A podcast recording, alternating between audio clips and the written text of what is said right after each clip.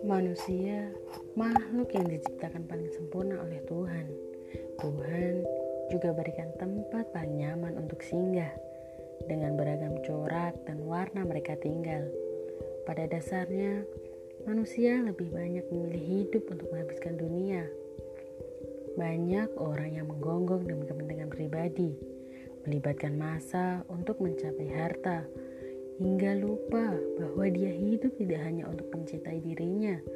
Mereka hidup berdampingan dengan sesama, tetapi untuk urusan harta, sanak saudara ataupun tetangga bisa habis di tangannya.